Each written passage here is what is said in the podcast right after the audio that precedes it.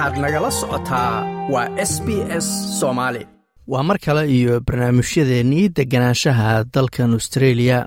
Maantana waxaanu ku soo qaadanaynaa waxa loo yaqaano negative gearing iyo sida ay uga faa'iidaan dadka maalgashada guryuhu negative gearing waa kelmad inta badan lala xiriiriyo maalgashiga guryaha waxayna dhacdaa ama la isticmaalaa marka qarashaadka kaaga baxa guriga maalgashiga aad u gadatay uu ka bato faa'iidada kaa soo gasha. Dhanka kalena waxaa maalgelintan ay noqon kartaa marka lacagta kirada ee kaa soo gasha ay ku filaato dhammaan qarashaadka guriga kaaga baxay oo ay ku jirto dulsaarka lacagtii daynta ahayd ee guriga aad ku gadatay. Maxwell shiftman waa madaxa shirkadda intraback property oo ka mida shirkadaha ugu waaweyn ee guryaha dhisa. Wuxuu sharaxayaa in negative gearing ay tahay hab ay isticmaalaan canshuur bixiyaasha australia ee guryaha maalgashi ahaan u gata waxayna u ogolaanaysaa inay qarashka uga baxay lahaanshaha iyo maamulidda guriga uu canshuur dhaaf uga helo marka la xisaabinayo dakhliga sanadka soo gala iyo qarashka ka baxa qofka. Inkasta oo ujeeddada laga leeyahay in guri loo gato maalgashi ahaan ay tahay in faa'iido laga sameeyo sida uu qorayo sharciga canshuuraha australia maalgashadayaashu waxay lacagta dulsaarka ee ay bixiyaan ku dalban karaan canshuur dhimis haddii guriga la kireeya ama uu kiro diyaar u yahay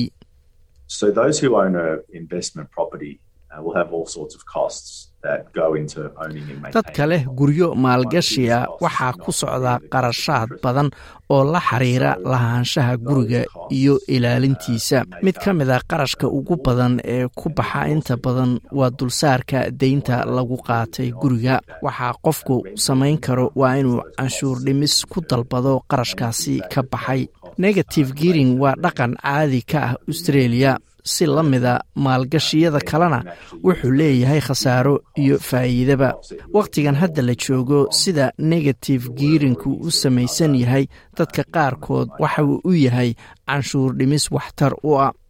Maer shiftman ayaa sheegay in negative gearinku uu yahay maalgashi ama canshuurtii aad bixin lahayd oo aad dib u dhigayso ee uusan ahayn oo keliya canshuur dhimid Australia has a particular way of doing it, which isn't unique in the world, but there are some jurisdictions around the world where it's done a little bit differently. So,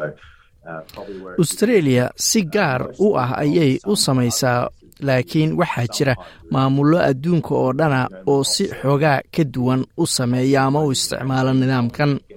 Waxa ay aadka uga duwan tahay waa in meelaha qaarkood qofku canshuur dhimis ku samayn kara oo keliya dakhliga guriga ama guryo ka soo gala halka australia dakhligaaga oo dhan la isticmaalayo laysku dardarayo. Waxaa jira doodo saxa oo lagu taageeri karo jiritaanka nidaamka negative gearinka tan koowaad waxay yaraynaysaa kirada maadaama loo ogolaanayo milkiilayaasha gurigu inay yareeyaan canshuurta ay ka bixin lahaayeen dakhliga soo galay. Tan labaad waxay kor u qaadaysaa qiimaha guryaha maadaama ay soo jiidanayso dadka guryaha u iibsada si ay negative gearinka uga faa'iidaystaan oo canshuur dhaaf ku helaan. Stephen meckenberger waxa uu ka tirsan yahay hay'adda canister oo iyadu isbarbar dhigta adeegyada maaliyadda waxa uu sheegayaa in negative gearinku uu saameynayo suuqa guryaha la kiraysto.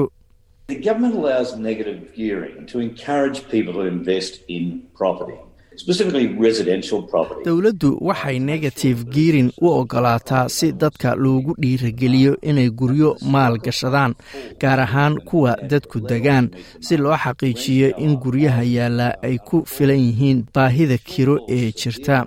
haddii guryaha kiradu hoos u dhacaan oo ay gaarto heer aysan kaafin karin baahida kiradu waa ay kordhaysaa. Dadka qaarkoodna awood umaba yeelanayaan inay kiraystaan waxaana dhacaysa in dad badani ay derbi jief ama homeless noqdaan. Negative gearinka waxay ahayd mowduuc muran badan ka dhexdheliyey siyaasiyiinta sannadihii la soo dhaafay intii uu socday ololihii doorashada ee federaalka ee labadii kun iyo sagaal iyo tobankii bill shorton oo hogaaminayay xisbiga laybarka ayaa ballan qaaday inuu xakamaynayo bixinta ama nidaamka negative giirinka ee ay qaataan dadka guryaha maalgashaday ee markaasi jiray taasoo dhalisay walaac la xiriira sinaan la'aan dhanka bulshada ka dhex dhalata hase yeeshee ra'iisul wasaare antony albanisi ayaa isagu taageero buuxda u muujiyey sii socodka ama sii wadida siyaasadda negative giirinka ee hadda jirta. Dhanka kalena xisbiga liberaalka ayaa isaguna taageersan in negative giirinka uu sii socdo oo in canshuur dhimis ay dadka guryaha maalgashada ku helaan. Waa kan mar kale mr mickenberger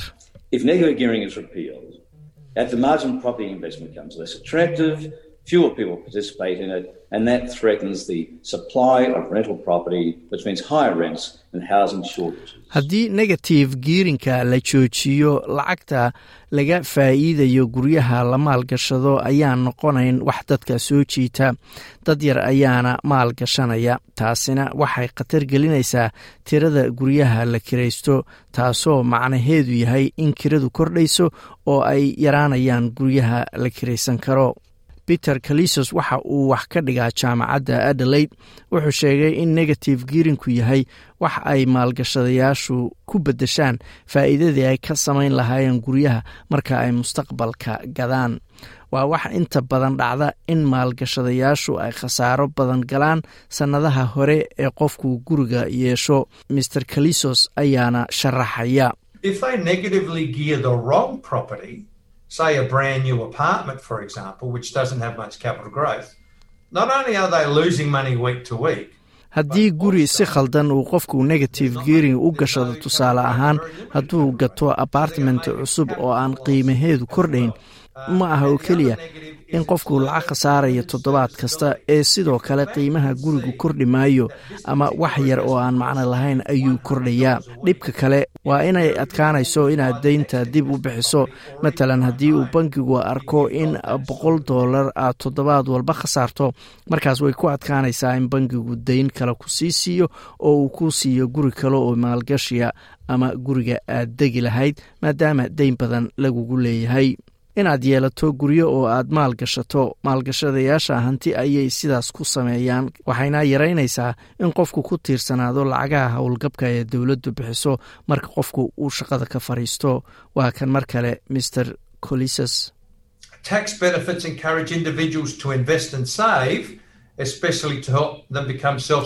faa'iidada canshuur dhimistu waxay shakhsiyaadka ku dhiirigelinaysaa inay maal gashadaan iyo inay qarash ama lacag kaydsadaan gaar ahaan inay isku filaadaan marka ay howlgab noqdaan. Marka tusaale ahaan haddii aad leedahay hal guri oo maalgashiya oo shan boqol oo kun oo doolar jooga oo waqti kadib deyntiisii oo dhan aad iska bixisay waxay u badan tahay inaadan xaq u yeelan lacagaha cayrta ee howlgabka ama qayb yar lagu siiyo. Sidaas daraaddeed dowladda culays ayaa ka dhacaya ayuu yidri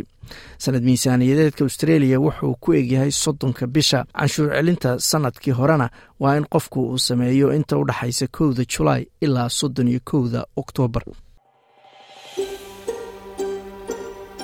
Ma doonaysaa sheekooyinkan oo kale? Ka dhegayso apple podcast google podcast spotify ama meel kasta oo aad bodkastigaaga ka hesho